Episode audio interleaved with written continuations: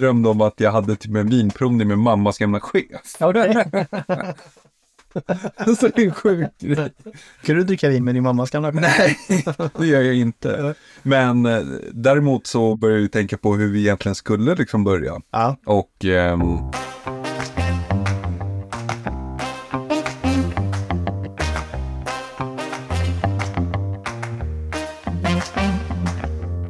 Äntligen eh, är vi här nu. Det var um, många vändor fram och tillbaka om att vi skulle göra en podd. Eh, så det känns ju jäkligt kul faktiskt. Så är det. Vi ska säga det då att vi är grannar. Eh, vi kom på det här för några, något år sedan att eh, båda gillar vin. Och då tänkte vi att varför inte göra en vinresa?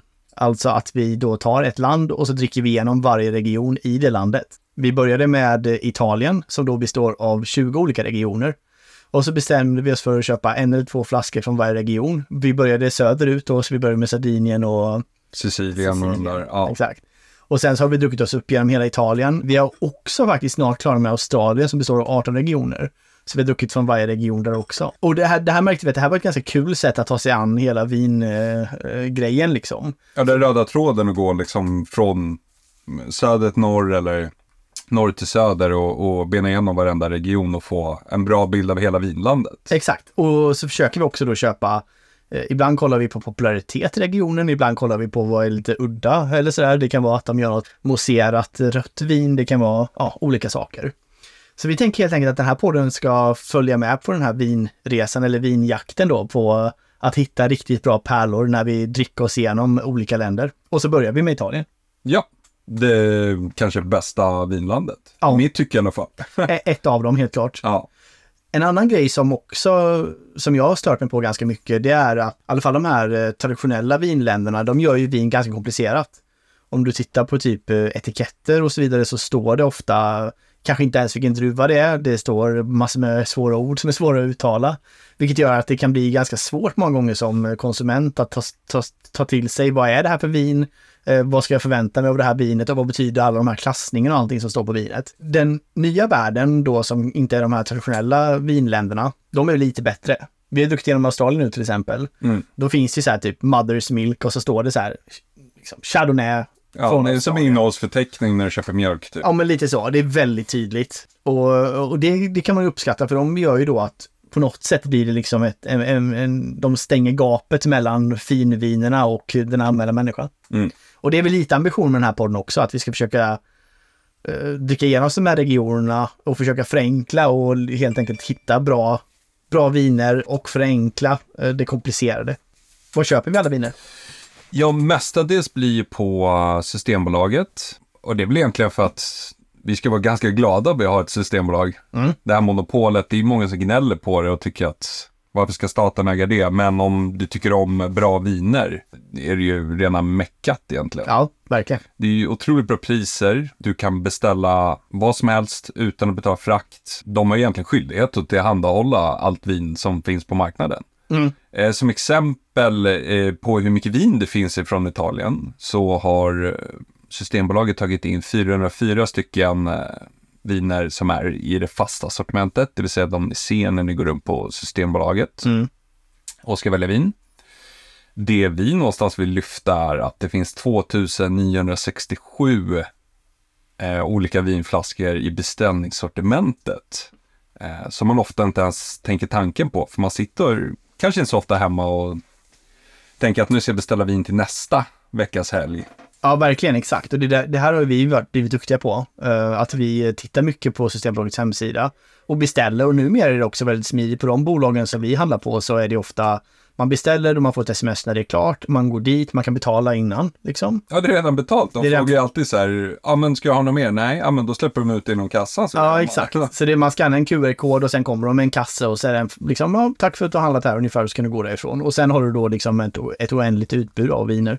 Min fördom var också när vi började med det här, jag tänkte så här, men okej, nu måste vi börja handla från alla de här andra vinsajterna som Ja. finns. Vivino och Winefinder. Exakt. Och... Det var, det var så jag tänkte, det är där vi kommer hitta de viner som är bra. Men det är faktiskt precis tvärtom många gånger. De kan också ha bra utbud, men det är betydligt, betydligt mindre än vad Systembolaget har. Och just som jag nämnde tidigare, priserna på Systembolaget är ofta i underkant. Ja. Eh, och det har väl kanske att göra med att det är statligt ägt och inte ska driva någon vinst. Precis. Men eh, Systembolaget är the way to go, helt enkelt. Ja, helt klart. Idag då så ska vi gå in på, vi börjar, vi börjar tvärtom egentligen då, vi börjar på från eh, norra Italien. Tanken är att alla viner vi pratar om ska vara tillgängliga och, och beställa eller, eller gå direkt till Systembolaget och hämta.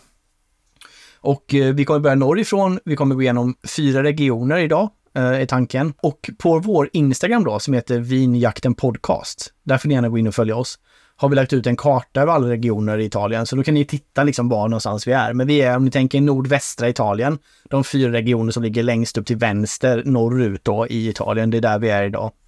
Och jag tänker vi kan länka faktiskt de vinerna till Systembolaget som vi har beställt hem. Det kan vi göra i, eh, också. Det kan vi göra och vi kan även göra det i den här eh, beskrivningen som finns eh, nere i, i den appen ni lyssnar på. Grymt! Ska vi ta oss an första regionen då? Nu kör vi. Yes, då har vi Valle d'Osta. Eh, och jag tänker vi börjar med tre snabba fakta om eh, den regionen. Det är Italiens minsta region, både till yta och produktionsstorlek. Och den ligger väl egentligen absolut eh, nordvästrast position, eller man ska säga, i Italien. Mycket alper eh, och ligger nära Schweiz och de andra länderna. De har bland de högst liggande vingårdarna i Europa. Eh, och det som är roligt med det är att de ändå gör mest rött vin. För man borde göra vitt teoretiskt Ja, om man ligger högt upp. Mm. Precis, det teoretiska är kallare klimat är mer gynnsamt för gröna druvor, det vill säga vitt vin. Mm. Eh, och varmare klimat är mer gynnsamt för röda. Men här har man någonstans vänt på det i alla fall. Och egentligen det tredje faktat är att eh, Valle d'Osta har bara DOC-klassen som står helt utan någon DOCG-klassning. Och det är den enda regionen som gör det tror jag. Mm. Ska vi prata snabbt om vad det är för typ av klassning bara? I Italien så finns det ju fyra olika klassningar, eller klassificeringar säger man väl. Och då har man den lägsta som kallas för Vino da Tavola, om jag säger rätt. Mm. Och det betyder ju egentligen bordsvin typ. Duger att ställa fram när familjen kommer. Ja, väldigt bonnigt liksom så Mm. sätt. Sen kommer något som heter IGT. Och det är eh, egentligen eh, en klassificering som kräver att man eh, kan säga vilket område vinet kommer ifrån. Och det är väl då eh, näst sämst eller tredje bäst, det beror- på hur man ser det. Mm. Sen kommer DOC som har ännu högre krav på vart vindruvor och liknande härstammar ifrån. Mm. Och sen kommer guldkornen och den högsta klassificeringen och det är DOCG.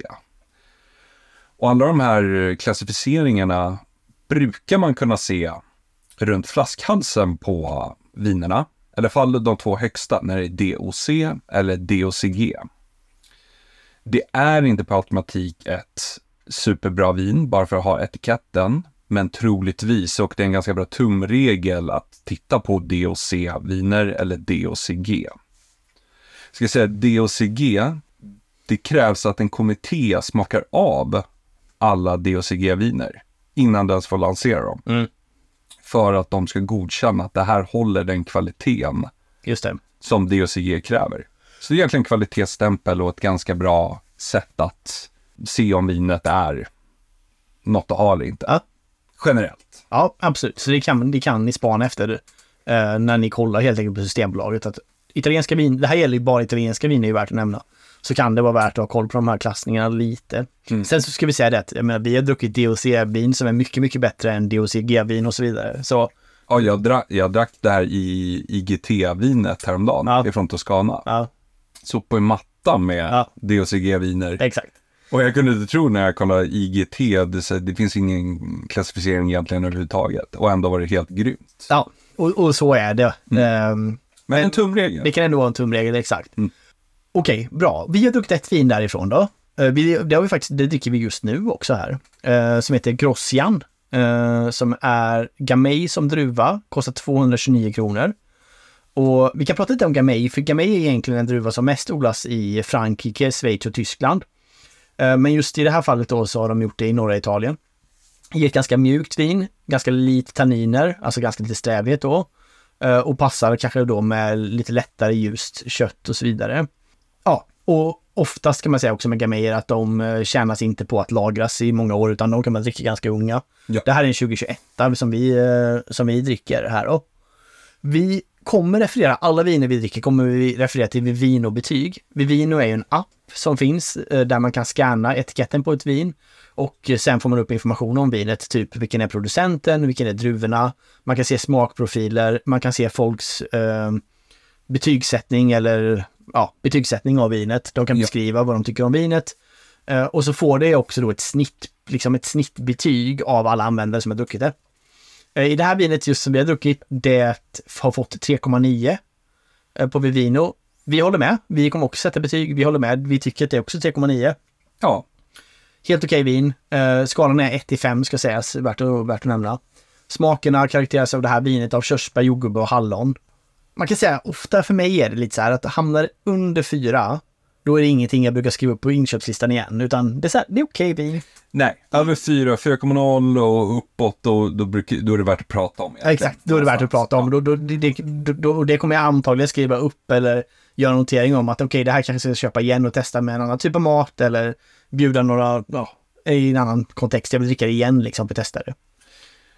Eh, och det ska också nämnas att eh, den här Grossien är en DOC, så den nä- näst högsta klassificeringen. Just det. Eh, men i våra ögon, ingen pangvin egentligen. Nej, 229 kronor. ganska dyrt. hittar Ja, väldigt mycket bättre viner det kan för den pengen. jag håller med. Det går att göra. Bra, ska vi hoppa vidare till region nummer två, Ligurien. Precis, och då kör vi väl tre snabba där också. Mm.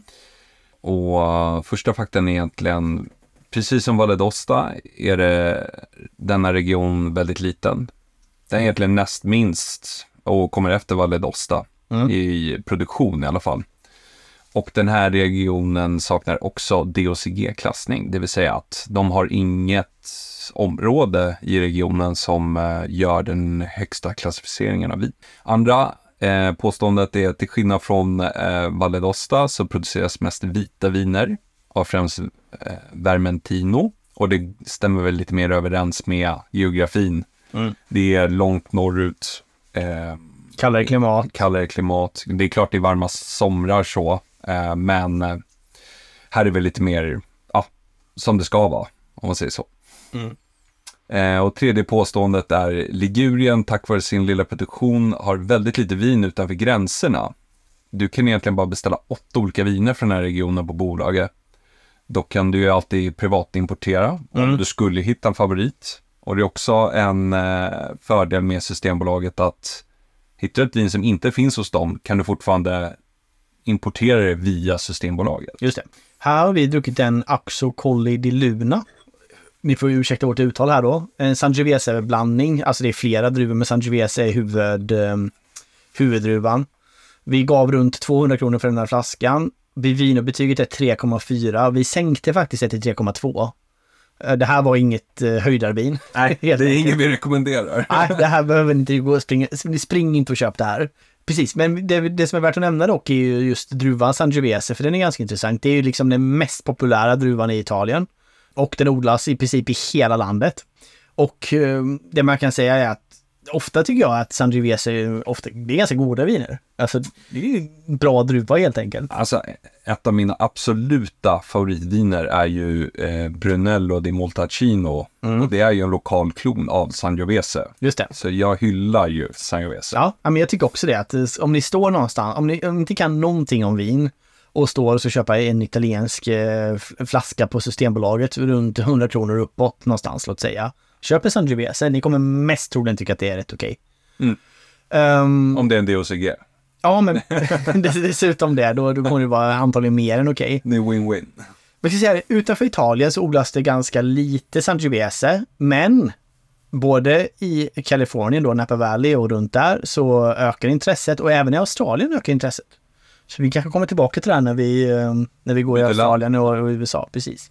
Så det är de två egentligen då lite mindre regionerna kan man säga i Italien och eh, norra Italien. Vi kommer ner sen då till eh, Lombardiet. Exakt, och här eh, heter eh, druvan Chevenasca. Mm. Och det är egentligen en lokal klon av Nebbiolo. Eh, och den här varianten eh, ska inte ha lika kraftfulla tanniner som eh, Nebbiolo har i Piemonte, som vi kommer egentligen prata om lite senare. Mm. Eh, sen har vi ett område i Lombardiet som eh, anses vara en motsvarighet till champagne. Det är ju mousserande vin här egentligen. Och champagne är väl ändå alltid champagne kanske. Mm. Men det här är så nära Italien kommer. Annars heter ju mycket bubbel i Italien prosecco, tänker man ju på. Just det. Och så finns det något som heter spumante, det är ju egentligen italienska för att det är mousserande. Men det här heter då Franchiacorta. Och återigen, ursäkta uttalet. eh, och det är som sagt motsvarigheten till champagne. Eh, och det är inte lik prosecco och denna görs i eh, Lombardiet under just ett DOCG-område, det vill säga den högsta kvalificeringen. Och den görs på samma metod som champagne och med samma druvor. Det roliga med det här vinet är ju att det är egentligen bara 50 år gammalt. Mm. Eh, så det är väldigt nytt om man ser till vinvärlden. Speciellt i då kanske gamla världen som Italien. Ja, exakt. Ja. Men att ändå försöka komma och utmana champagne med samma metod och liknande. Ja. Och sen ska jag också till sist säga att Lombardiet är den mest folkrikaste regionen i Italien. Eh, och det är mycket på grund av att Milano ligger i regionen. Eh, Vi testade då en Nebbiolo härifrån och det är framförallt för att det är lite kul. Vi kommer prata om Piemonte snart. Det är nästa region och det är den största by far liksom i, i, i dagens avsnitt. Ja, ja. Ehm, Men vi testade en, en Nebbiolo härifrån bara för lite för jämföra och se. Så vi testade en som hette Latense Sasella eh, för 199 kronor. Vinobetyg 4,1 och vi gav också 4,1. Vi tyckte att det stämde rätt bra. Det är röd frukt, jordgubbar, mycket tanniner. Ofta kan man ju säga med Nebbiolo att det, är lite så, det ser ut lite som jordgubbssaft många gånger om man häller upp det. ja det, det är de otroligt ljust i färgen. det är nästan chockartat ljust i färgen om man inte är van vid att dricka det kan man säga. Ja, Man undrar, man tänker nästan så här, är det någonting som är fel? Eh, har jag fått jordgubbssaft istället i glaset? någon har hällt i Fun Light. Exakt. Men det ser faktiskt ut som eh, eh, det ser ut som att det smakar mycket, men det är ganska mycket tryck i och det är ganska komplext och mycket tanniner och ja, det, det, det är ganska härligt. Så många gånger för folk som inte har druckit så mycket vin eller testat så mycket så kan det vara kul att testa just för eh, det ser så otroligt svagt ut, men det är ganska kraftfullt. Så det kan Ja. vara kul. Och, och något jag tycker man ska ta med sig när man provar i, i det här fallet just Nebbiolo är att man kanske ska ha med sig någon liten eh, matdetalj, alltså som Mm. någon eh, ost eller någon fet mat, kanske chark. För med tanniner, det som trycker ner tanniner, vi ska väl berätta vad tanniner är kanske. vi. tanniner är ju egentligen när du dricker ett vin och så blir det som att du blir torr i munnen, eller det stramar i typ gom och Strävhet, ja. Ja, det är strävt, exakt. Och det är lite som att överläppen fastnar på tänderna typ. Eh, man, man blir torr i munnen helt enkelt. Och det är ju någonting man kan uppskatta och sen kan det vara något som också är väldigt överdrivet i ett vin. Mm. Men vad som tar bort tanniner är ju fett. Exakt. Så då vill du kanske käka en liten ost till, chark, någonting liknande som eh, då får du in mer frukt ifrån vinet när du Ja. tar bort den här tanninnivån. En sån här skinkbit med mycket fettrand på är ju mys Ja. till Nebbiolo. Ja, men precis. Så det här tycker vi att man kan testa helt enkelt. Det här kan vara värt att köpa. Och vi, verkligen. vi återupprepar då, vi lägger länkar till alla de här flaskorna eh, till, i avsnittsbeskrivningen. Instagram. Och, och även på Instagram. Så det finns möjlighet för att gå in och klicka in då. Ska vi hoppa in på sista regionen för dagens avsnitt då, Piemonte. Och det är väl ändå godisbiten. Ja, det här är ju det man har väntat för, väntat på. Piemonte anses ju vara en av de bästa regionerna i Italien och jag vågar nästan påstå i världen. Mm. Ja, eh, och de är ju berömda mest för områdena Barolo och Barbaresco. Mm. Eh, Piemontes sämsta klassificering är en DOC, det vill säga den näst bästa klassificeringen som finns i Italien. Mm. Alla andra kla- klassificeringar är DOCG, alltså den högsta. Man ord hittar du bara bra viner i Piemonte om man tittar på de här klassificeringarna. Sen ska vi vara tydliga med att det behöver inte alltid vara rätt väg, men oftast är det det. Mm. Sen en lite rolig bara så här sidostory på just Barolo är ju att på 80 och 90-talet fanns det en grupp som kallade sig för Barolo Boys. Och eh, det de gjorde var att de förändrade hela sättet att göra vin på i Barolo.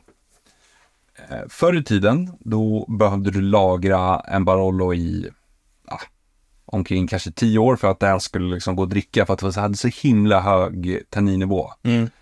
Eh, och med åren så, så avrundas ju det och blir lite mer smooth liksom. Eh, det de här Barolo Boys-gänget gjorde eh, var att de ville göra vin som gick att dricka ganska omgående. Du skulle inte behöva köpa en vinflaska och sen lägga undan i tio år, glömma bort den och sen komma på att "Eh, Mm. nu vill jag dricka. Mm. Eller så kanske det är för sent till och med. Du har bara glömt bort den. Så de egentligen moderniserade eh, Barolo. Och det är väl lite det nya världen jobbar med. Eh, de här Australien och de här typen av länder. Att göra viner som går att dricka på en gång. Mm. Och det är det man har gjort i Barolo nu mera. Men har ju kvar den här otroligt fina historien och kvaliteten på viner. Eh, Barolo och Barbaresco är ju egentligen mina absoluta favoritområden. Och det, det finns ju många producenter eh, som tillhör den här Barolo Boys-gruppen, bland annat typ Ratti. Som jag också, kanske är värt att nämna, ska åka och eh, Mm. besöka och här nästa vecka. Det ser vi fram emot att höra om sen. Ja, då blir det Piemonte torsdag till söndag.